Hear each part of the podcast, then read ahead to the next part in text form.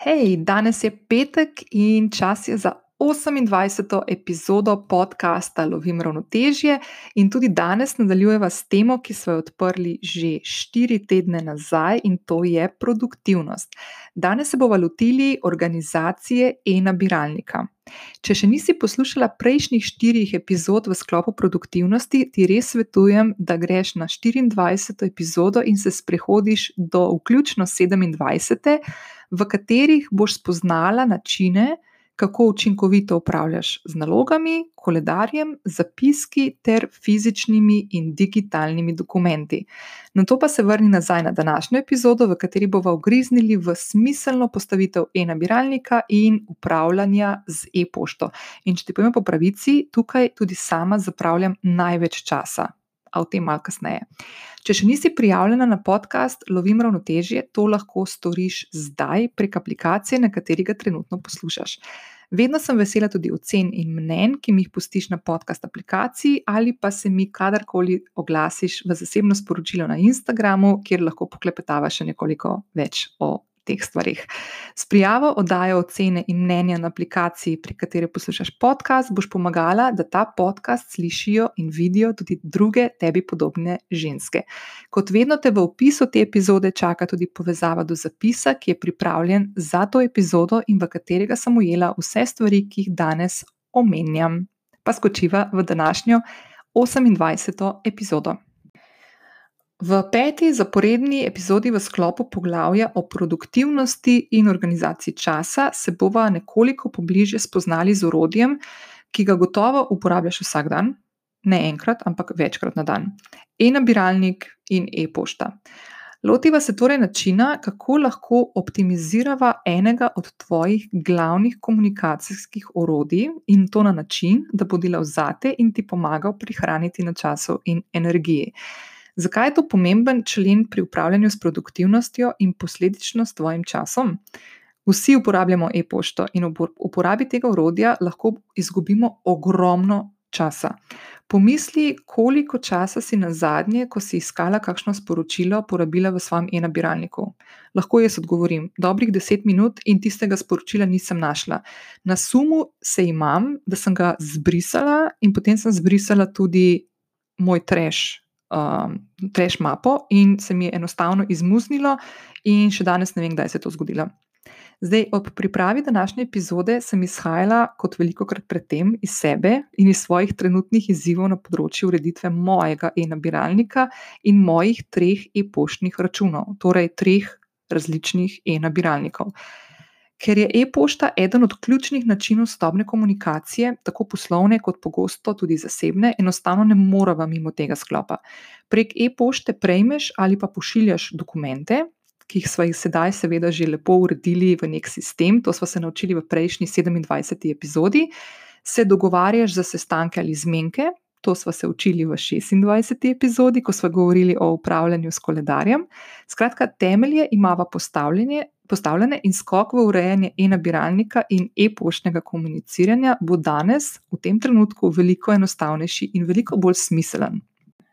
Večina ljudi, in med njih štejem tudi sebe, do danes, seveda, pade v isto zanko, da ne arhiviramo sporočil, ne upravljamo sporočili na dnevni ravni, zato se kakršen koli sistem, ki je lahko dober, hitro podre in pripelje do tega, da ničesar več ne najdeš, sporočila se kopičijo, in v mojem primeru, z vsakim neprebranim se dvigne nivo tesnobe do neba. Kaj to pomeni? Jaz imam malo težavo s tistimi rdečimi krokci na Appleovih napravah, zelo slab odnos imam z njimi, ker mi res dvignajo nivo, nivo, nivo tesnobe, sicer nekoliko manj v zadnjem obdobju kot pred leti, ampak jaz sem enostavno vse te krokce izklopila na svojem telefonu in jih nimam. In ob odprtju e-maila, e-maila, navadno to naredim zjutraj, ko pridem v domačo pisarno, najprej preverim, če je med temi neprebranimi sporočili, ki so se čez noč nabrala, kakšno pomembno. In ukolikor ugotovim, da so večinoma kakšni newsletteri, na katere sem se um, prijavila, ali pa da mi je kakšna prijateljica kaj poslala, jaz enostavno naredim naslednje. Izberem vsa sporočila in jih označim, kot da so že prebrana.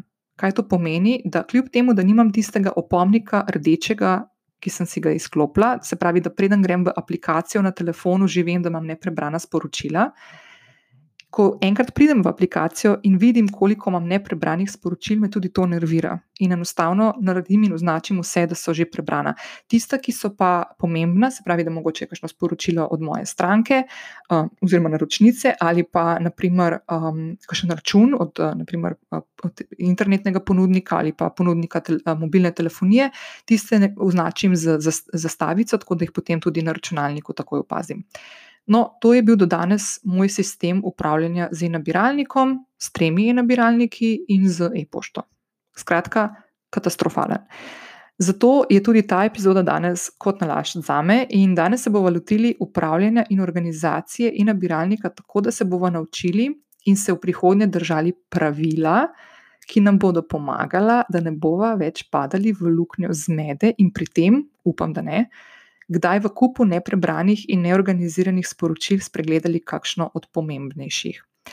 Prvo pravilo, ki ga omenja večina strokovnjakov, ki sem jih srečala na tej poti odkrivanja produktivnosti, in boli me, ko to izgovarjam, ker je v nasprotju s tem, kar sem napisala pred trenutki, je, da se ne dotakneš e-pošte, konkretne e-pošte, sporočila, če nimaš takoj nekega namena ugrizniti v to sporočilo. Kaj pomeni? Se pravi, da Um, gre za to, da uh, na enostavne odgovore, prebiranje vsebine ali pa neke konkretnejše odzive, če jih v tistem trenutku ne nameravaš izpeljati in uložiti nekega miselnega napora v to, pusti to sporočilo neprebrano.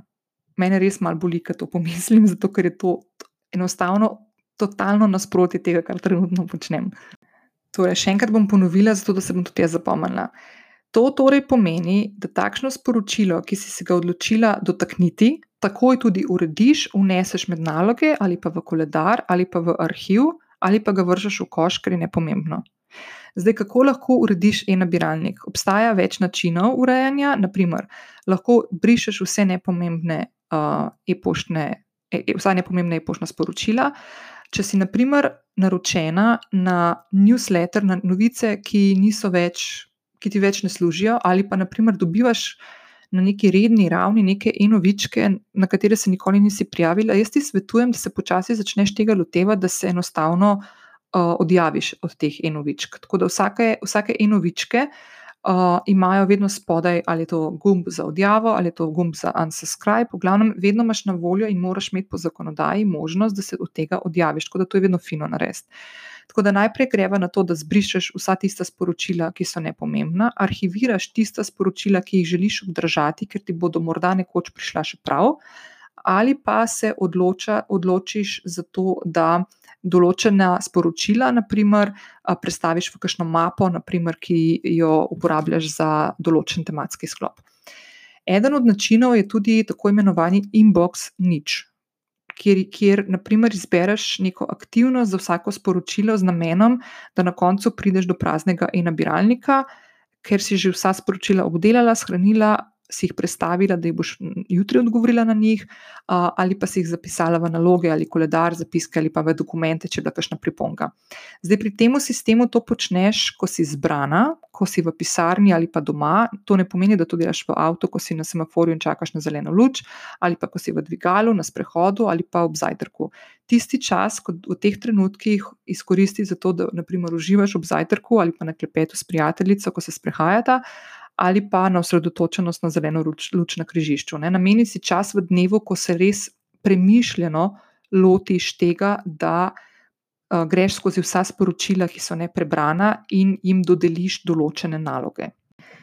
Še ena stvar, ki jo je fino vključiti v komunikacijo prek e-sporočil, je, da poskušaj predvidevati in vnaprej rešiti kakšno od prihajajočih vprašanj, ko se naprimer z nekom pogovarjaš po, uh, po e-pošti. Uh, Naprimer, če dobiš e-pošto z vprašanjem, če bi se lahko dobila na sestanku, na mesto odgovora ja, dopiši, kdaj imaš čas in ponudi možne termine oziroma rešitev na to vprašanje. Tako boš aktivno soustvarjala svoj koledar, obenem pa boš pomagala tudi osebi, s katero komuniciraš, da bo hitreje obkljukala nalogo in se dogovorila s tabo za sestanek. Vedno je fino, če daš več možnih terminov, kdaj bi ti lahko najbolj odgovarjalo, da se sestaneš s to osebo in kdaj imaš možnost za sestanek. Če se spomniš epizode 26, v kateri smo govorili o organizaciji časa in katere naloge dajemo skupaj, naprimer sestanke samo ob sredah, če imaš to možnost, seveda, v svojem življenju urediti na tak način. Je tukaj odličen način, kako lahko to upelješ v svoje vsakodnevno poslovno delovanje in življenje nasploh. Se pravi, da boš, naprimer, tej osebi, ko boš predlagala termine, predlagala tiste termine, ki sodijo v ta koncept. Se pravi, naprimer, ob sredah imam čas za sestanek. Pri tem boš tudi ti vedno sama aktivna soustvarjalka odločitev in sebi in drugim boš pokazala, da ceniš svoj čas in čas drugih. Zdaj, če ti oseba predlaga nek termin sestanka, ki tebi ne ustreza, odgovori s tako imenovanim pozitivnim nejem. Torej, rečeš ne morem lahko pa takrat in uneseš nek alternativni termin. Tukaj se lahko igraš z najbolj pomembno besedo v našem jeziku, to je beseda ne, o kateri so veliko govorili v deveti epizodi tega podcasta, in ti res svetujem, da skočiš in jo poslušaš. Ker je po mojem mnenju to, da se naučiš reči besedo ne, ena od najbolj pomembnih veščin, ki ti bodo prišle prav tako v zasebnem, kot tudi v poslovnem življenju. Na tak način si uredila in se dogovorila za sestanek, in ta niz komunikacije prek e-pošte je tako zaključen, in lahko se odločiš, ali boš ta niz pogovora zbrisala, ali pa ga, če je naprimer neka stvar, ki je fino, da imaš shranjeno, lahko arhiviraš. Zdaj se pa sprehodiva še plastično skozi tvoj e-nabiralnik. Ne glede na to, kateri sistem e-pošte uporabljaš, in sodeč po mojih naročnicah na e-novičke, prevladuje sicer Gmail in Gmail to omogoča lahko svoj nabiralnik urediš v učinkovit in pregleden sistem komuniciranja. Če uporabljaš aplikacijo za upravljanje z nalogami, kot je Asana ali pa Todoist, lahko naprimer svoj Gmail enostavno povežeš s to aplikacijo. To naprimer pomeni, da lahko odgovor na prejeto sporočilo enostavno preneseš med naloge in sporočilo arhiviraš. In s tem sporočilom umakneš iz svojega inboxa in greš na tisto tehniko, da prideš na koncu na inbox nič. Potem te bo pa aplikacija za naloge opomnila, da moraš odgovoriti na sporočilo, ko znaj, ko, ko ga, ki ga lahko potem enostavno najdeš v iskalniku Gmaila in na njo odgovoriš. Tako da tudi to je en tak način, kako lahko prepletaš sistem nalog, ki smo si ga zdaj že postavili na neki platformi, ki si jo izbrala, in svoj e-nabiralnik oziroma e-pošto. Če uporabljaš Gmail, lahko sporočilom dodajaš tudi nalepkice oziroma labele. Gmail ima sicer Google način iskanja in navadno, praviloma, sporočilo med vsemi prejetimi sporočili ali pa zbrisanimi, arhiviranimi sporočili hitro najdeš. Ampak vseeno lahko določena sporočila prelepiš. To pride, naprimer, prav takrat, ko gre za nekaj pomembnega. Naprimer, da prejmeš račun svojega telekomunikacijskega operaterja ali pa zavarovalnice. Ustvariš si, lahko, ustvariš si lahko mapo, v katero boš lahko vnašala vse prispele račune. In podobno tehniko lahko uporabiš za vse te pomembne segmente, ki si, si jih že postavila, in pri tem upoštevaš logiko, ki jo imaš postavljeno pri upravljanju z nalogami, s koledarjem, zapiski in dokumenti, zato da boš imela nekako enake vsebinske stebre na vseh teh različnih sistemih.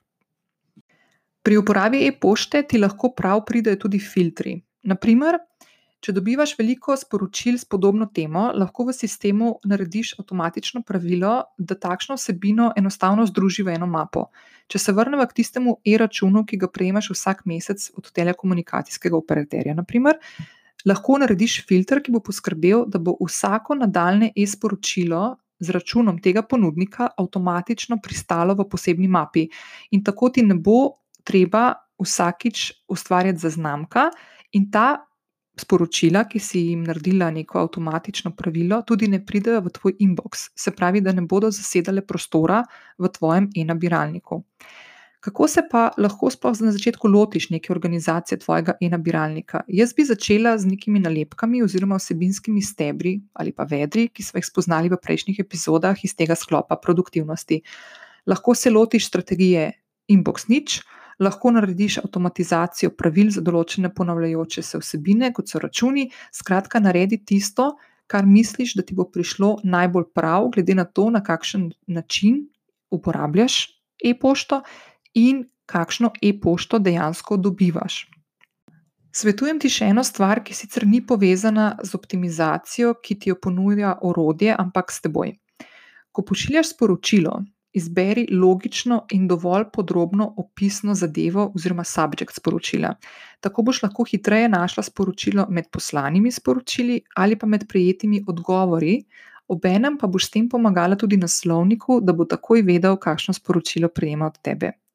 Jaz sem se tega naučila iz komunikacije z novinarji in uredniki. In to pomeni, da vsakič, ko pošljem kakšno sporočilo, že v samem uh, subjektu oziroma zadevi, vnaprej povem s prvimi besedami, kaj pošiljam. Naprimer, lahko je to vabilo, lahko je to sporočilo za medije, lahko je to vprašanje.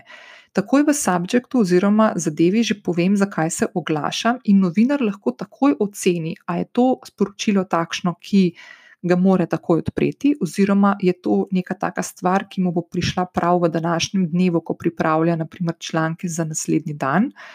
Um, in je to res taka, najprej je pred, omogoča precej hitrejšo komunikacijo, ki je tudi jasna, in um, s tem se gradi tudi neko tako. Bom rekla, zaupanje med dvema sogovornikoma, da sta vedno zelo direktna v tem, kaj se pogovarjata.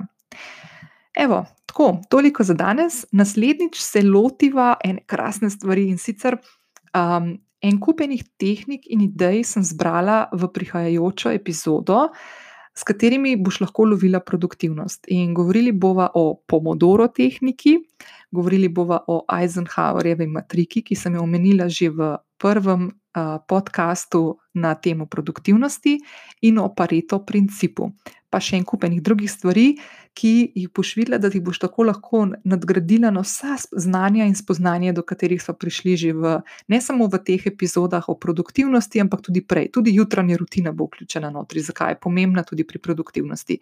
Skratka, še več idej in možnosti, ki ti lahko pridejo prav pri upravljanju s tvojim časom, vse skupaj z namenom, da boš delala stvari za šolo ali službo hitreje in da boš preostanek časa lahko namenila tistim stvarem in ljudem, ki jih imaš rada, ki te veselijo, ki te napolnijo z energijo, zato da boš v življenju lažje lovila ravnotežje. Še enkrat te vabim, da se prijaviš, če se še nisi prijavila na ta podcast. Lahko se prijaviš tudi spodaj na povezavi v opisu te epizode na moje enovičke, oddaš mnenje, oceno ali pa se mi oglasiš na zasebno sporočilo na Instagramu in poklepetava še nekoliko vnaprej nekoliko dlje v tej tematiki.